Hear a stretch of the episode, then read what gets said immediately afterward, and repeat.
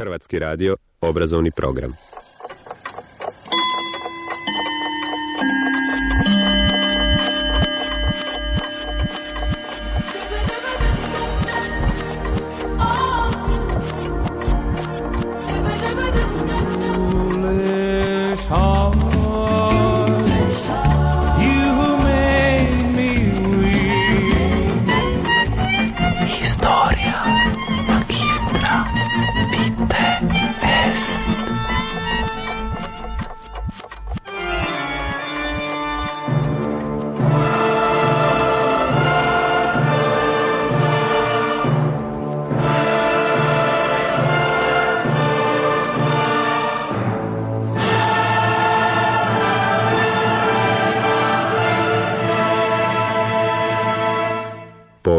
Četvrtkom.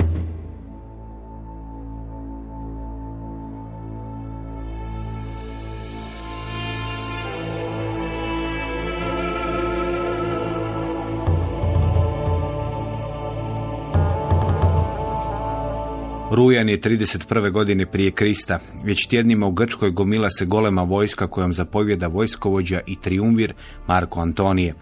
Njezin stožer nalazi se između gradova Patra i Korinta. Ostatak vojske posut je od Krfa i Epira na sjeveru do jugozapadnog vrha poluotoka Peloponeza. Kopnenim dijelom taj vojske zapovjeda Kandidije, sve u svemu riječ je o 19 legija. Pored te kopnene vojske, Marko Antonije zapovjeda i s flotom od 500 brodova. Antonijeva saveznica i ljubavnica je vladarica Egipta Kleopatra. S njom Antonije ima dva sina i jednu kćer. Prema Antonijevoj vojsci polako se kreće armada koju je okupio njegov suparnik Oktavijan, posinak Gaja Julija Cezara. Marko Antonio je te 31. godine prije Krista 50 godina. Do tada Antonio se potvrdio kao vojskovođa. S Cezarom je godinama ratovao u Galiji, bio je njegova desna ruka. Oktavijanu je te 31. godine 32 godine. Iako je mlađi i puno manje iskusan od svog suparnika, on je uspio okupiti vojsku od 80 tisuća vojnika i 400 brodova. Građanski rat između Oktavijana i Antonija traje godinama. Taj je pak rat nastavak građanskih ratova koji već desetljećima potresaju Rimsku republiku. Tog rujna 31. godine prije Krista ti će ratovi završiti i Rim će dobiti jednog gospodara.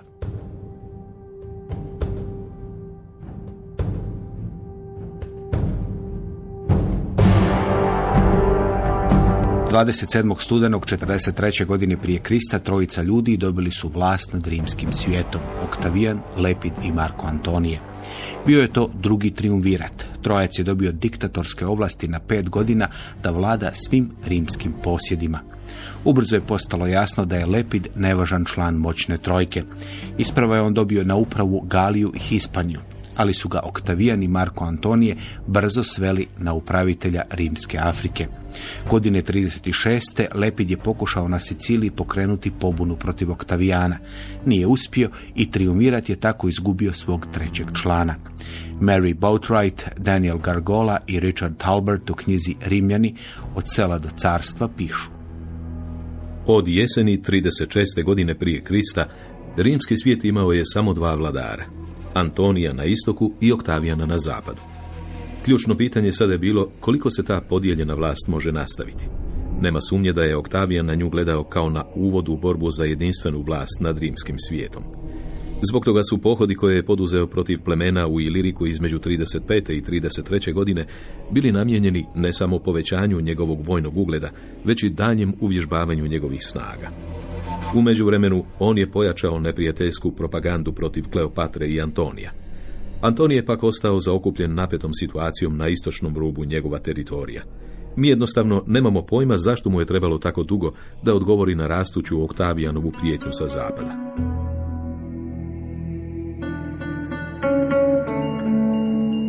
trideset 36. godine prije Krista Marko Antonije poveo vojsku protiv partije. Partski kralj je abdicirao i ta je odluka dovela do građanskog rata u partiji. To je Rimu dalo prigodu za napad na zemlju koja mu je već dugo vremena smetala.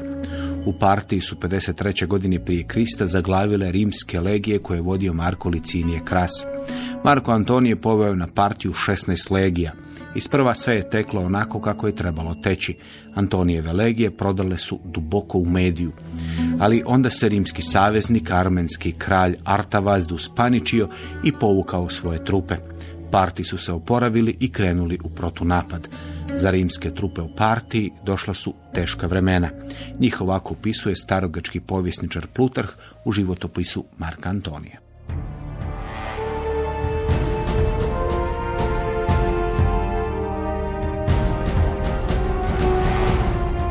Glad je također napala vojsku, koja je sebi i uz borbu pribavljala tek malo žita, a nisu bili niti dobro opskrbljeni žrvnjevima za meljavu. Većinu njih su naime za sobom ostavili, jer neke su tovarne životinje uginule, a druge su nosile bolesne i ranjene. Pripovjeda se da se za ječmene hljebove plaćalo onoliko srebra koliko su bili teški. Kad su pribjegli povrću i korijenju, nalazili su na malo takvih na koje su bili navikli.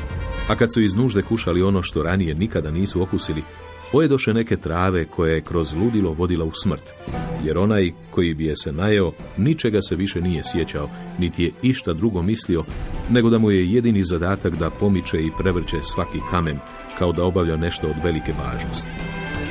Zaravan je bila puna ljudi sagnutih k zemlji, koji su naoko iskapali i premještali kamenje.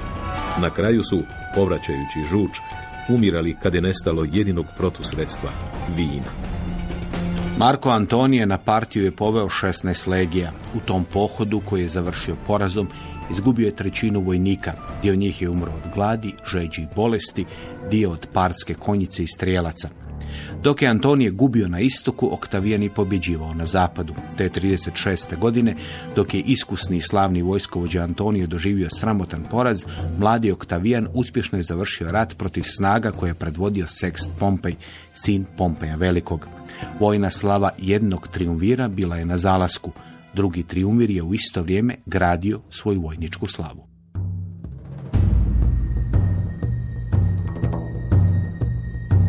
Godine 42. prije Krista u listopadu legije pod zapovjedništvom Marka Antonije kod Filipa u Grčkoj pobjedile su vojsku kojom su zapovjedale ubojice Gaja Julija Cezara. Tom pobjedom Marko Antonije se nametnuo kao gospodar zemalja na istoku. Antonije je počeo razrezivati poreze kako bi platio svoju ogromnu vojsku. Vladare koji nisu bili odani Rimu zamjenjivao je odanima.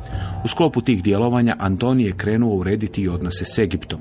Njime je vladala Kleopatra iz obitelji Ptolomejevića. Godine 41. Marko Antonije i Kleopatra susreli su se u Tarzu u Ciliciji. To vjerojatno nije bio prvi susret Antonija i Kleopatre. Pretpostavlja se da su se oni susreli prije u Rimu, u kojem je egipatska vladarica boravila u vrijeme Cezarove diktature. Ali u Tarzu se Antonije zaljubio u Kleopatru. Egipatska vladarica znala je kako privući pažnju. Plutarh piše. Plovila je uz rijeku Kidno na paradnom brodu sa zlatnom krmom, razapetih grimiznih jedara. Dok su ga veslači tjerali srebrnim veslima uz svirku, svirale usklađene s pastirskom prulom i kitarom. Ona pak sama ležela je pod zlatom izvezenim baldahinom, ukrašena kao Afrodita na slikama, dok su dječaci nalik na erote sa slika, stojeći s obje strane mahali lepezama. Čudesni su se mirisi od brojnih kadova rasprostirali po obalama.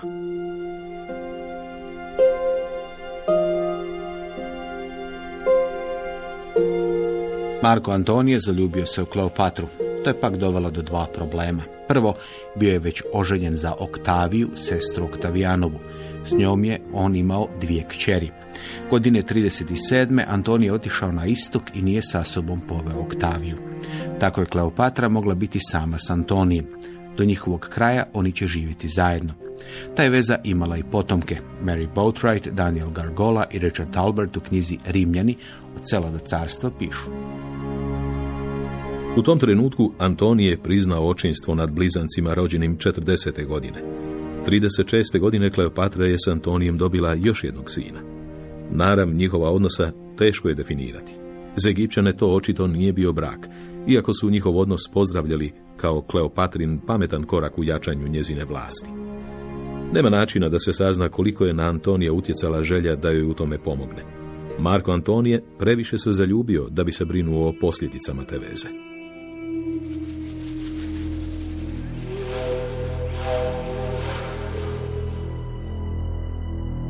To što je Antonije ostavio Oktaviju i počeo otvoreno živjeti s Kleopatrom, bilo je dovoljno veliko zlo. Oktavijan i Antonije sada su već postali otvoreni suparnici u bici za vlast u rimskom svijetu.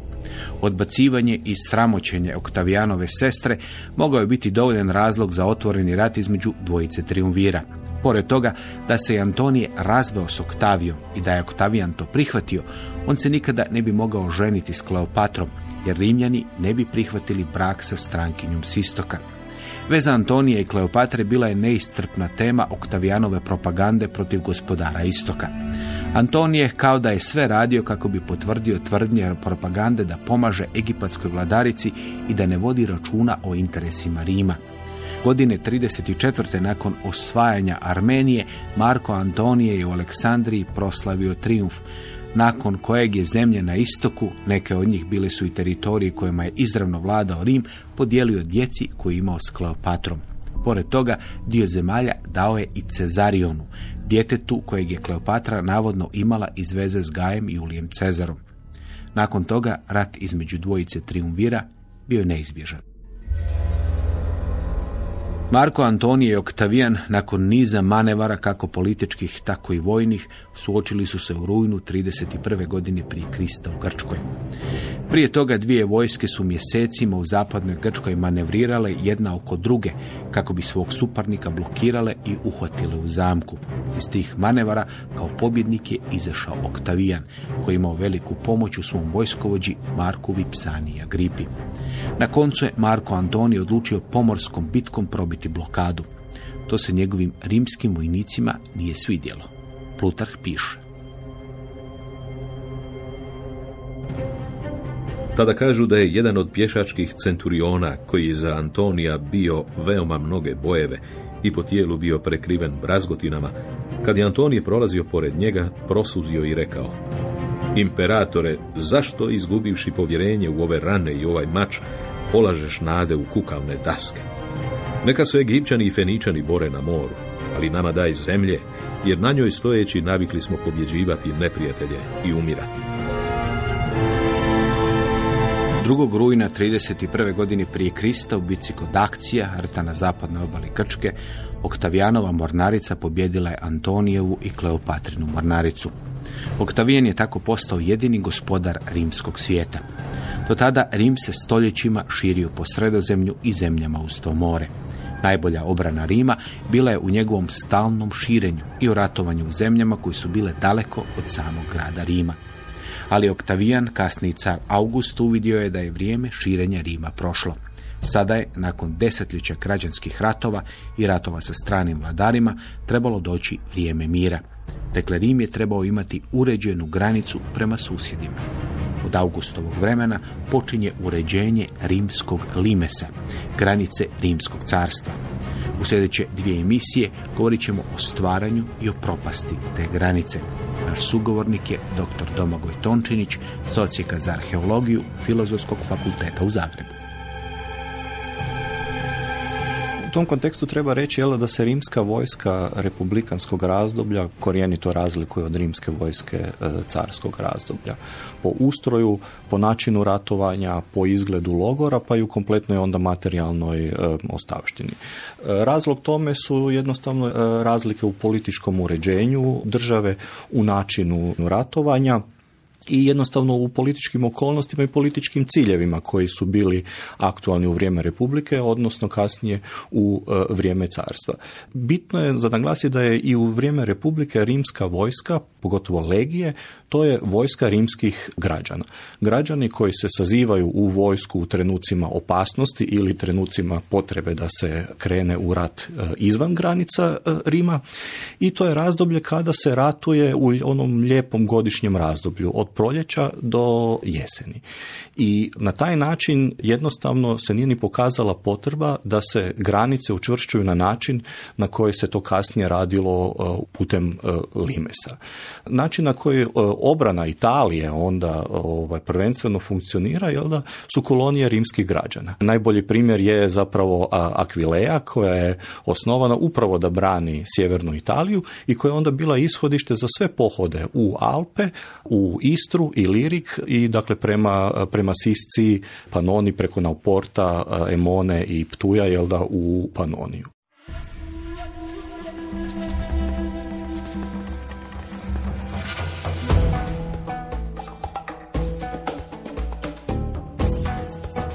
Prema mitu koji su ustrajno podržavali sami Rimljani, Rim je utemeljen 753. godine prije Krista. Navodno su ga utemeljila braća Romul i Rem. U trenutku utemeljenja, dok je Romul plugom orao brazdu koja je trebalo označiti neosvojive zidine budućeg grada, Rem je preskakivao tu brazdu. Činio je to jer je smatrao da ga je Romul prevario pri određivanju mjesta novog grada. Kada je Rem preskočio brazdu koju je uzerao Romul, pao je od udarca. Rema je ubio ili Romul ili Celer, jedan od Romulovih drugova. Iz arheoloških ostataka danas se smatra da su naselja na području današnjeg Rima postojala još početkom prvog tisućeća prije Krista.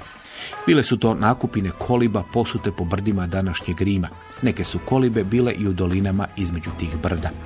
Nakon 800. prije Krista pojavljuju se veće organiziranje zajednice. Na sjevernim padinama brda Palatina pojavljuje se najveće od tih naselja. Sredinom 8. stoljeća prije Krista na tom mjestu podignut je i zid od gline i drveta, postavljen na kamene temelje. Arheolozi ne mogu pouzdano utvrditi ili riječ o obrambenom zidu ili o nekoj vjerskoj građevini, možda svetoj granici. Između 675. i 550. godine prije Krista na crti koju označio taj prvi glineno-drveni zid podignuta su tri kamena zida. To su pak bili obrambeni zidovi. Oko 530. godine ti su zidovi zatrpani zemljom. Naselje se toliko proširilo da je nad tim zidom podignut niz privatnih kuća. Tada se bez sumnje može postaviti i početak Rima kao grada. Taj grad koji će vladati sredozemljem smjestio se na strateškom mjestu. Mary Boatwright, Daniel Gargola i Richard Tolbert pišu.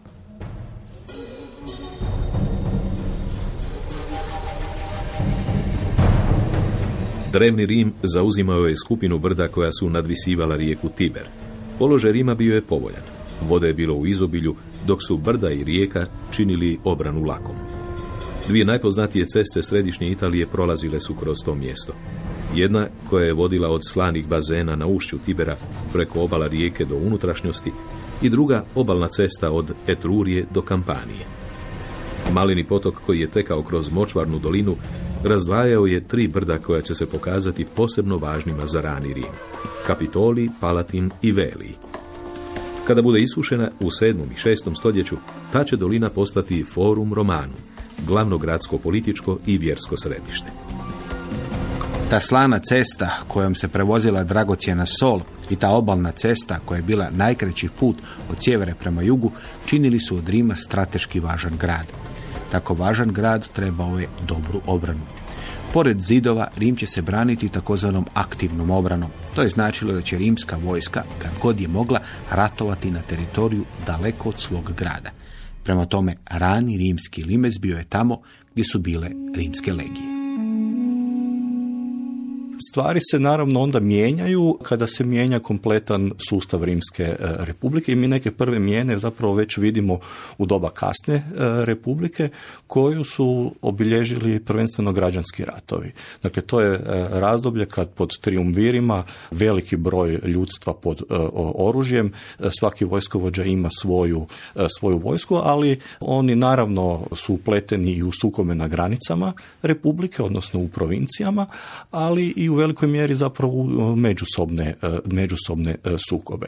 Do promjena dolazi krajem e, Republike, odnosno s bitkom kod akcija, kad je Oktavijan ostao jedini vojskovođa koji je zapovjedao o vojskom u kompletnoj Republici i onda je Oktavijan zapravo sve preživjele legionare ustrojio u 27 legija i u prvom razdoblju te su legije onda opet razmještene na mjestima gdje je to pokazivala potreba. Primjerice Hispanija koja još uvijek nije bila pacificirana. Tek sa e, pacifikacijom Hispanije zapravo nastupa razdoblje kada Rim počinje vojsku raspoređivati na svoje granice. To sada više nije ona republikanska vojska koja se raspušta u jesen, to je sad već stalna vojska pod oružjem koja je pod zapovjedništvom sada već cara Augusta i ta vojska mora biti negdje smještena.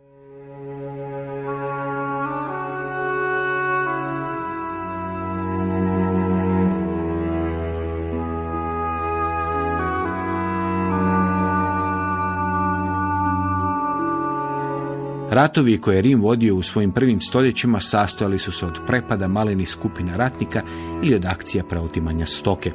O vojsci tada nije moglo biti govora. Riječ je bila o naoružanim družinama koje je vodio neki plemić. U njegovoj družini sudjelovali su ili njegovi rođaci ili njemu podređeni ljudi. Vođa družine nije bio vojni zapovjednik, riječ je bila o heroju čije vodstvo ovisilo o njegovom držanju u borbi te o njegovoj uspješnosti kao vođe ratničke družine. Od 8. do 6. stoljeća prije Krista u arheološkim nalazima mogu se naći tragovi poboljšavanja oružja i oklopa. Oružje i oklopi postaju skuplji i mogu se naći u bogatije opremljenim grobovima. Ali sve to ne znači da je ratovanje postalo organizirano ili da su se bitke i okršaji vodili s većim brojem vojnika. Vrijeme takvih bitaka doći će tek nakon što na ratovanje u Italiji svoj trag ostavi način ratovanja koji su sa sobom donijeli grčki kolonisti, koji su na jugu Italije i na Siciliji stvorili ono što se nazivalo Velika Grčka. Adrian Goldsworthy u knjizi Rimsko ratovanje piše. Velika promjena došla je s usvajanjem Hoplitske falange. Vjerojatno se to dogodilo negdje u šestom stoljeću prije Krista. Hoplitsko ratovanje razvilo se u Grčkoj 7. stoljeća i možda se proširilo u Italiju preko grčkih kolonija na jugu Apeninskog poluotoka. Hoplit je bio kopljanik, zaštićen brončanom kacigom, prsnim oklopom, štitnicima za potkoljenice i okruglim broncom prekrivenim štitom koji je imao promjer od 90 cm. Hopliti su se borili kao skupina, a ne kao pojedinci. Napredujući u čvrsto zbijenoj falangi, obično osam redova dubokoj, Hopliti su očekivali da će potisnuti suparnika. Vještina rukovanja s oružjem bila je manje važna za Hoplita od zadržavanja kohezije falange. Hoplitsko ratovanje zahtijevalo je malo formalne obuke ili stege, ali je tražilo novi vojnički etos.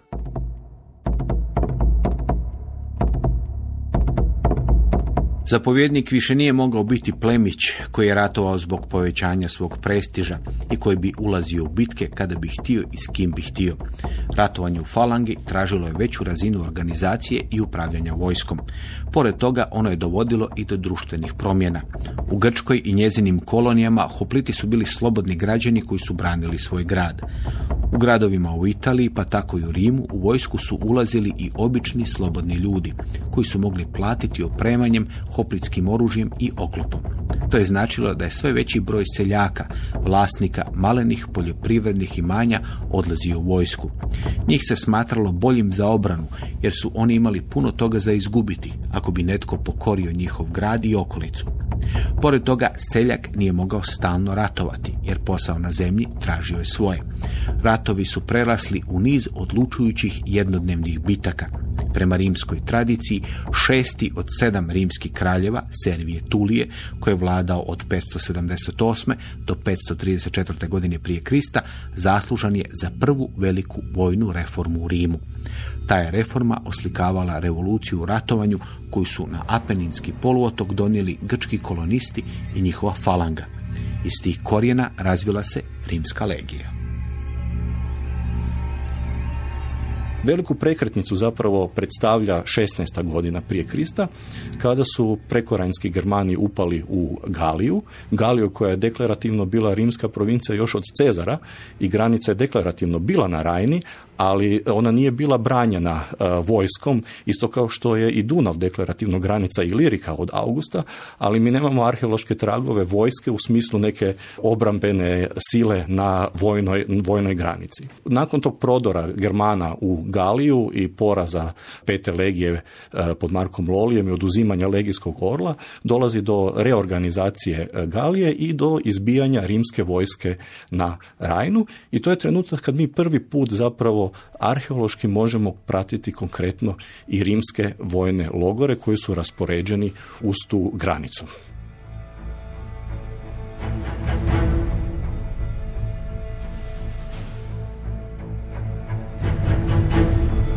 Prema legendi, Servije Tulije, šesti od sedam tradicionalnih rimskih kraljeva, rođen je kao rob u kućanstvu Tarkvinije Priska, petog tradicionalnog kralja Rima. Navodno je Tarkvinijeva majka imala proročke moći i u Serviju Tuliju vidjela velikog čovjeka. Nakon toga on je oslobođen i oženio se za kraljevu kćer. Serviju Tuliju pripisuje se uvođenje srebrnog i brončanog novca u Rim, izgradnja zida kojim je branjen grad. Zid koji nosi naziv Servijev zid vjerojatno je izgrađen u četvrtom stoljeću prije Krista. Srebrni i brončani novac također nije Servije tulio u Rim, ali njemu se pripisuje jedna od najvažnijih reformi u ranoj povijesti Rima. To je podjela građana prema njihovom imutku. Ta je podjela imala odraza i na vojno ustrojstvo Rima. Adrian Goldsworthy piše. Servijev ustav podijelio je stanovništvo u klase temeljene na procjeni njihove imovine. Svaka klasa sama je sebi osiguravala vojničku opremu. Prva klasa trebalo je osigurati za sebe punu hoplicku opremu. Peta klasa trebalo je osigurati opremu za pračkare. Taj sustav davao temelj komicije centurijate, skupštine u kojoj se glasalo i u kojoj su građani birali konzule i objavljivali ratove, sve do kraja republike.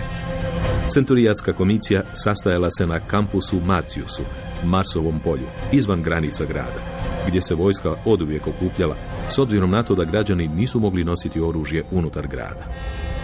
Aristokrati su sebi trebali osigurati najskuplje oružje, punu opremu hoplita. Najmanje imućni građani, oni kojima je imovina procijenjena na manje od 11.000 asa, trebali su se opremiti ili kopljem ili pračkom. Servijeva reforma, koja se temeljila na redovitom popisu imovine građana, bila je temelj kasnijeg rimskog cenzusa. Svi građani podijeljeni u klase bili su podijeljeni i u centurije. Nominalno je to bila jedinica od stotinu ljudi, ali u pravilu njezin je sastav mogao biti i veći.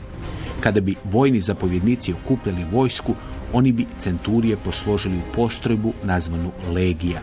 Riječ vjerojatno dolazi od glagola legere, sakupiti, prikupiti. Legija je bila najznačajnija postrojba rimske vojske, kako u doba kraljeva, tako i u republici i carstvu. Nakon početka Oktavijanove vladavine, legije izlaze na granice carstva. Poslije tog razdoblja izbijanja rimske vojske na, na Rajnu počinju ratovi u e, Germaniji i pojedine točke jel da, na Rajni su zapravo logori koji služe za prihvat vojske, prosljeđivanje vojske u Germaniju, logističku potporu toj vojsci i onda opet za prihvat vojske koja se vraća sa, e, sa ratovanja. Ti su nam logori u velikoj mjeri i arheološki e, potvrđeni. To su sada već logori koji nisu u onoj republikanskoj tradiciji logori pod šatorima, nego sad po prvi put imamo i logore sa arhitekturom, sa drvenom arhitekturom u početku i to ne samo obrambeni zidovi, odnosno bedemi, nego i građevine unutar logora, kako one bitnije građevine u smislu e, principije i e, pretorija, dakle zapovjedništva i zapovjednikovog stana, tako i nastambe vojnika, odnosno centurije. I takve logore imamo na samoj Rajni i u Germaniji. Prekretnica onda koja je pogotovo bitna za stvaranje limesa je bitka u Tojtoburškoj šumi, kada je zapravo prostor koji se već smatrao praktički provincijom koja plaća danak, odjednom opet postao prostor koji drže Germanije. Rimska vojska se poslije tog poraza katastrofalnog u Tojtoburškoj šumi povlači ponovno na Rajnu, uglavnom opet na one točke na kojima je i bila kada je kretala u, u Germaniju i posljedica tog velikog poraza je i ona znamenita jel da, preporuka oporučna Augustova svojim nasljednicima da prestanu sa širenjem carstva. Dakle, da carstvo zadrže na onim granicama koje je on zauzeo. I tu je zapravo početak, tu je zapravo početak Limesa. Kad postoji e, stalna vojska i kad postoji granica, odnosno ono što Rimljani u tom trenutku doživljavaju kao granicu svoga prostora.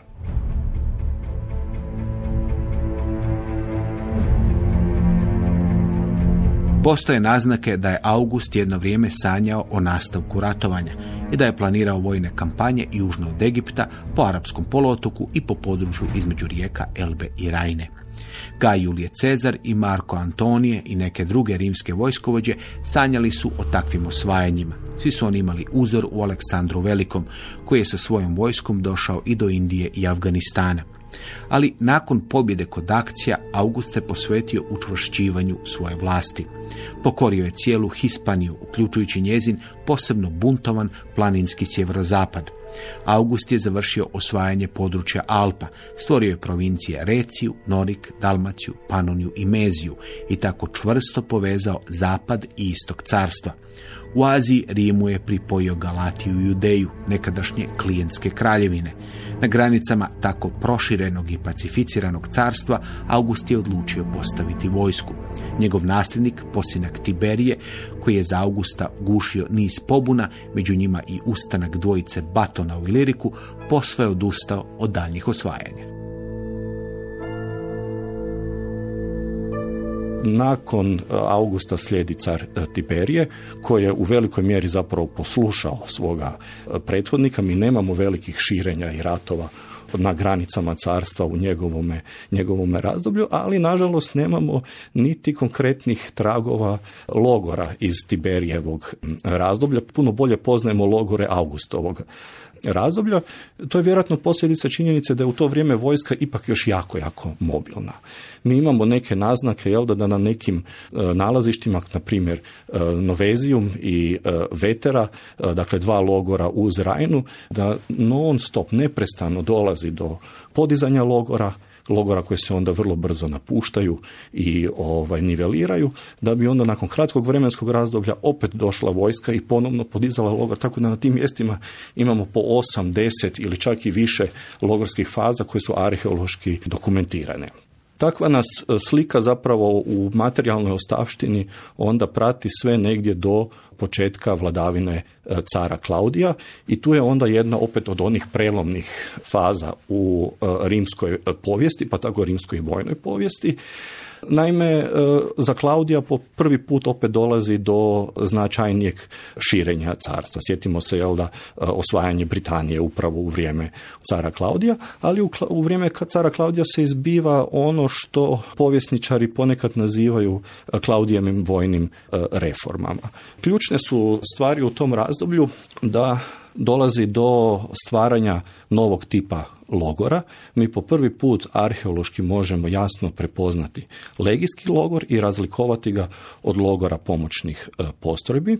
Drugo je da ti logori sad postaju tipološki jasno prepoznatljive arheološke strukture sa konkretnim jel da, karakteristikama koje se onda prate kroz cijelo naredno razdoblje i e, vrlo je bitno da mi, pogotovo na Rajni, u to vrijeme možemo po prvi put pratiti konkretniju razvoj tog limesa.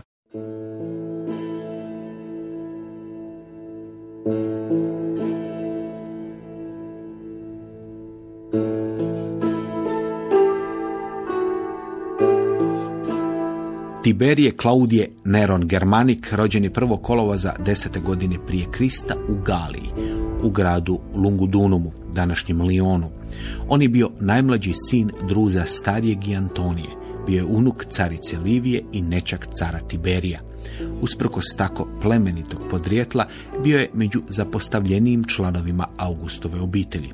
Mary Boatwright, Daniel Gargola i Richard Talbert u knjizi Rimljani od sela do carstva pišu. U svojoj mladosti pretrpio je razne bolesti, možda i cerebralnu paralizu, i bio je gluh na jedno uho te hrom. Prednost u vojnim i političkim poslovima uvijek je išla Germaniku, njegovom starijem i karizmatičnijem bratu. S druge pak strane, Klaudije je imao učenjakov um i obrazovanje. Povjesničar Livije bio je jedan od njegovih tutora. Prije nego što je postao car 41. godine, Klaudije je držao neke visoke položaje. Služio je kao augur pod Augustom i kao konzul pod novim carem Gajem Kaligulom. Ali nije imao neku stvarnu vlast. Preživio je smrtonosne godine Tiberija i Kaligule tako što je izigravao ludu i držao se što je moguće više izvan javnog života. U društvu koje je puno držalo do pojavnosti, Klaudijevi deformiteti i invalidnost diskreditirali su ga kod elite. Svetonije u trećoj i četvrtoj glavi njegove biografije čuva neke posebno opake riječi koje su mu uputili Livija, August, pa čak i njegova majka Antonija. Takav život ograničio je Klaudija na društvo sastavljeno od žena i oslobođenika. Bilo je to neobično društvo za jednog člana carske obitelji. Ali 41. godine njemu se nasmiješila sreća. Nakon ubojstva Gaja Kaligule, Klaudije je proglašen za cara. Mary Boatwright, Daniel Gargola i Richard Tolbert pišu.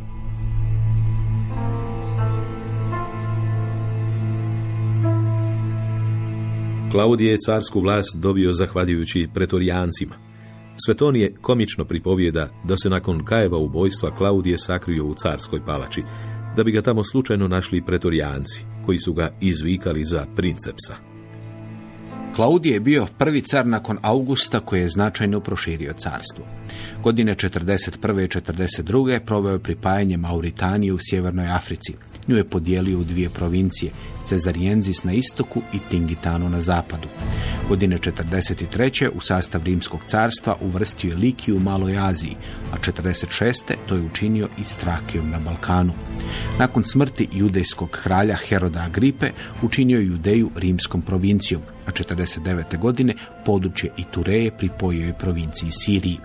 Njegov najveći pothvat bilo je osvajanje Britanije. Ga Julije Cezar prvi je poveo legije preko kanala u napad na taj otok. Klaudije je završio osvajanje većeg dijela tog otoka. Svom prvom sinu iz braka s Valerijom Mesalinom u čast tog osvajanja dao je ime Britanik. Ipak Klaudije nije ratovao pod svaku cijenu. Pažljivo je izbjegavao rat u Germaniji, a u Armeniji, tradicionalnom rimskom savezniku, nije intervenirao kada je 52. godine propala prorimska vlast. To je za Klaudija bilo manje zlo od još jednog rata s Partijom.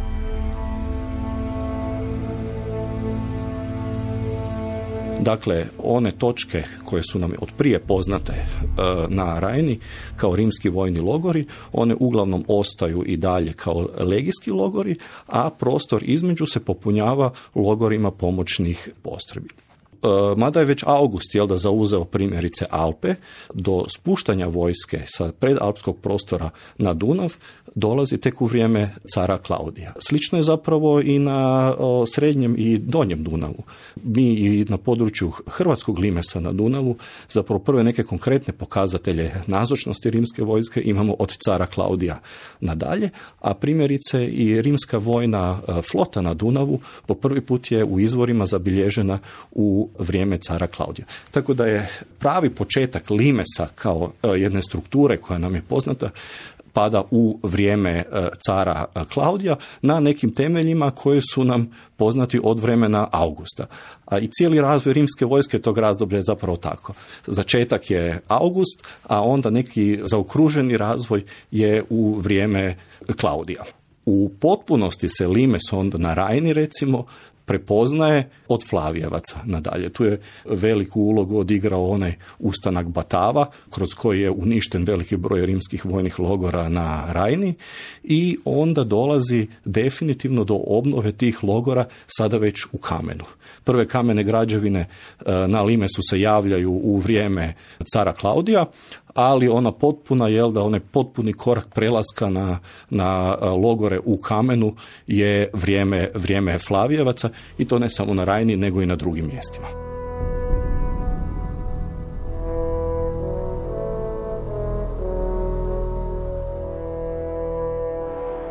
Postoji priča da je Pir, kralj Epira, čije su skupe pobjede nad Makedonijom i Rimom zaslužne za sintagmu Pirova pobjeda, vidio da u Italiji ne ratuje protiv Barbara kada je vidio kako rimska vojska podiže logor nakon marša.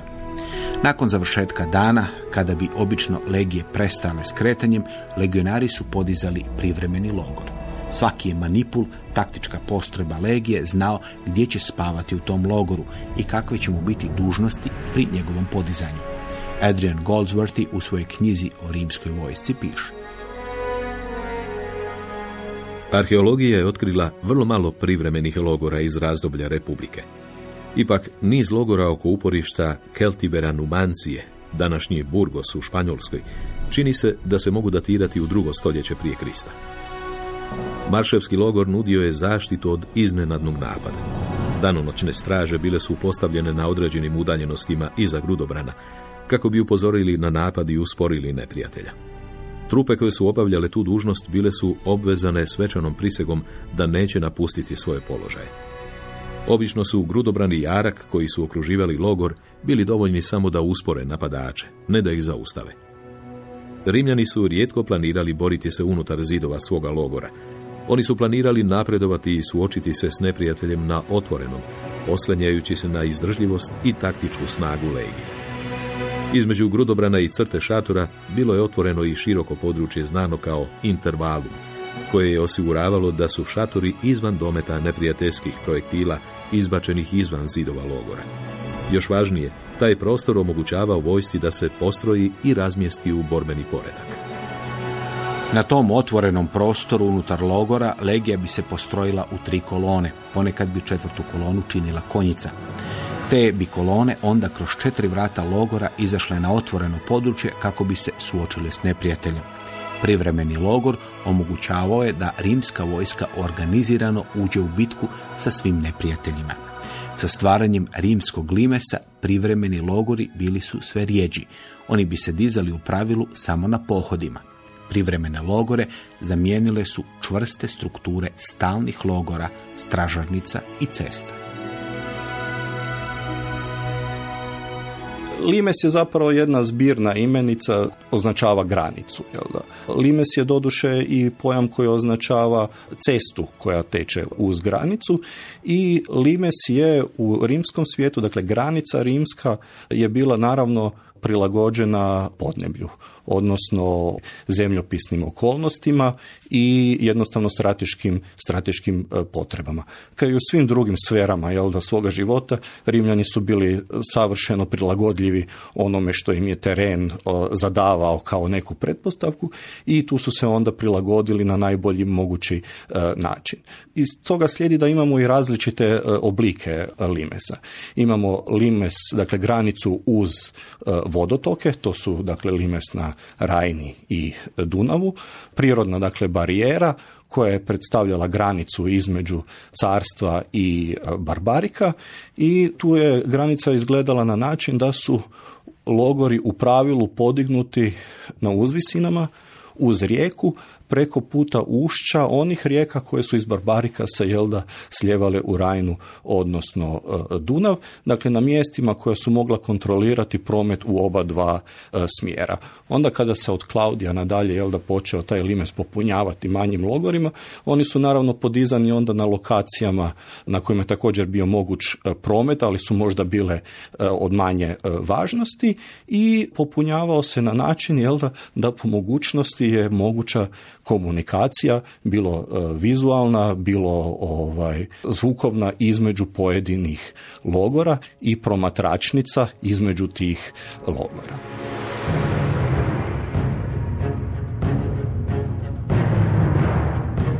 Pedeset osam godine prije Krista Cezarove legije podigle su liniju utvrđenja koja je bila duga 18 rimskih milja. Jedna rimska milja duga je oko kilometar i pol. Ta je linija utvrđenja podignuta kako bi se spriječio prolaz helvetima. U građanskom ratu između Cezara i Pompeja kod Dirahija, današnjeg Drača, 48. godine prije Krista, obje su vojske podigle brojne nasipe i utvrđenja. Cezar u svojim zapisima iz građanskog rata posvećuje veći dio treće knjige tim građevinskim pothvatima. U 63. poglavlju treće knjige Cezar ovako opisuje jedno od utvrđenja i nasipa koji su podigli njegovi vojnici.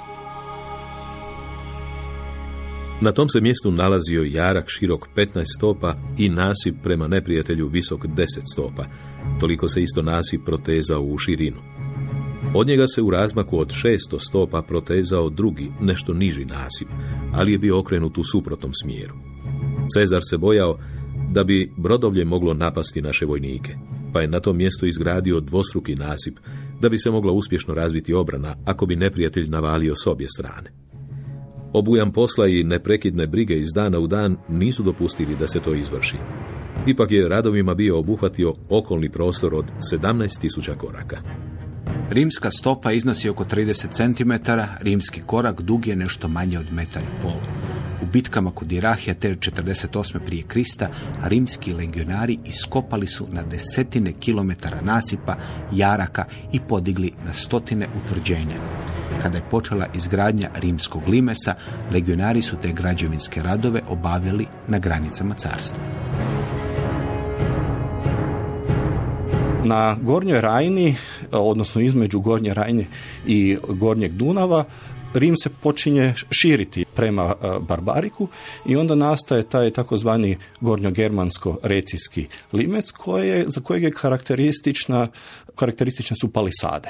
Dakle, granica koja je ovaj, označena jednim dugim e, zidom, bilo da je to nasip, bilo da je to drvena palisada, granica koja je naznačena na način da je taj dio ispred zida, odnosno palisade, e, posjećena vegetacija, uz zid ili palisadu se nalaze osmatračnice koje su međusobno opet u vizualnom ili zvučnom kontaktu i na taj način je, je moguće jel da ako dolazi do nekog prodora neprijatelja, osmatračnice signaliziraju opasnost, prema logorima koji se nalaze malo više u unutrašnjosti. I onda postrojbe, u ovom dijelu su to uglavnom e, pomoćne postrojbe, e, rimske pomoćne postrojbe mogu reagirati, odnosno e, suprotstaviti se neprijatelju.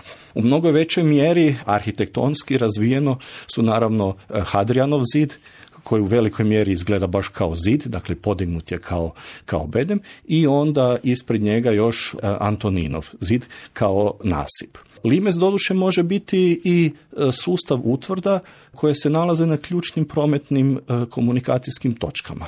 Jedan jako dobar primjer je Jedakija, gdje su utvrde pomoćnih postrojbi razmještene na prometnim komunikacijskim točkama koje vode u provinciju, odnosno iz provincije van, a legijski logori su u unutrašnjosti raspoređeni na mjestima gdje jel da legije prema potrebi mogu vrlo brzo cestama doprijeti do kriznih žarišta. Isto tako je u Britaniji, dakle na Hadrianovom zidu i na, na Antoninovom zidu nemamo legijskih logora.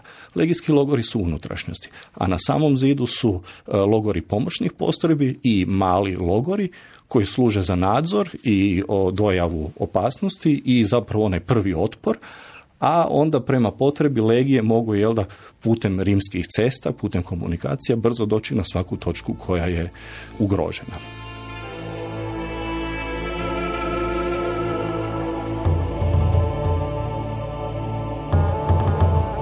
Rimski vojnici nisu obavljali samo vojničke dužnosti. Oni su često bili okupacijska sila, policajci, kada bi se umirovili, bili su i kolonisti. Od vojničkih dužnosti bile su neodvojive i dužnosti građevinara. Rimski legionari bili su i veliki graditelji i imali su veliku ulogu u gradnji limesa. Svaka legija imala je veliki broj obrtnika i specijalista koji su znali planirati i graditi građevine. Hadrianov zid u Britaniji sagradile su tri legije koje su bile stacionirane na tom otoku, druga, šesta i dvadeseta legija. Svaka je ta legija dobila komad zida za gradnju. Unutar svake legije posao je onda podijeljen između centurija. Pored takvih građevina legije su gradile amfiteatre, akvedukte, tunele za vodu. Među najvažnijim građevinama koji su legije podizale bile su ceste. One su bile sastavni dio limesa, govori dr. Domagoj Tončinić, socijeka za arheologiju Filozofskog fakulteta u Zagrebu. Treća kategorija limesa bi bio zapravo uh, utvrđene ceste, odnosno utvrđene točke uz ceste. To je primjerice ono što imamo na, na Bliskome istoku, granica prema uh, Arabiji uh, teče jednim područjem jel da gdje prelazi onaj pustinja u onaj dio na kojem je uopće moguć život i sve vojske koje se onuda kreću od rimskog razdoblja, odnosno od predrimskog razdoblja do, do još onda do, do križarske ratove, moraju se kretati po točkama, po cesti koja vodi od točke do točke gdje ima vode. I tu su onda utvrđene zapravo e, mjesta, gradovi i oaze gdje ima vode i koji vode onda opet prema velikim vodotocima, Eufrat i Tigris, koji onda predstavljaju granicu e, Rimskog carstva, najprije prema Partima, a kasnije prema Sasanidima.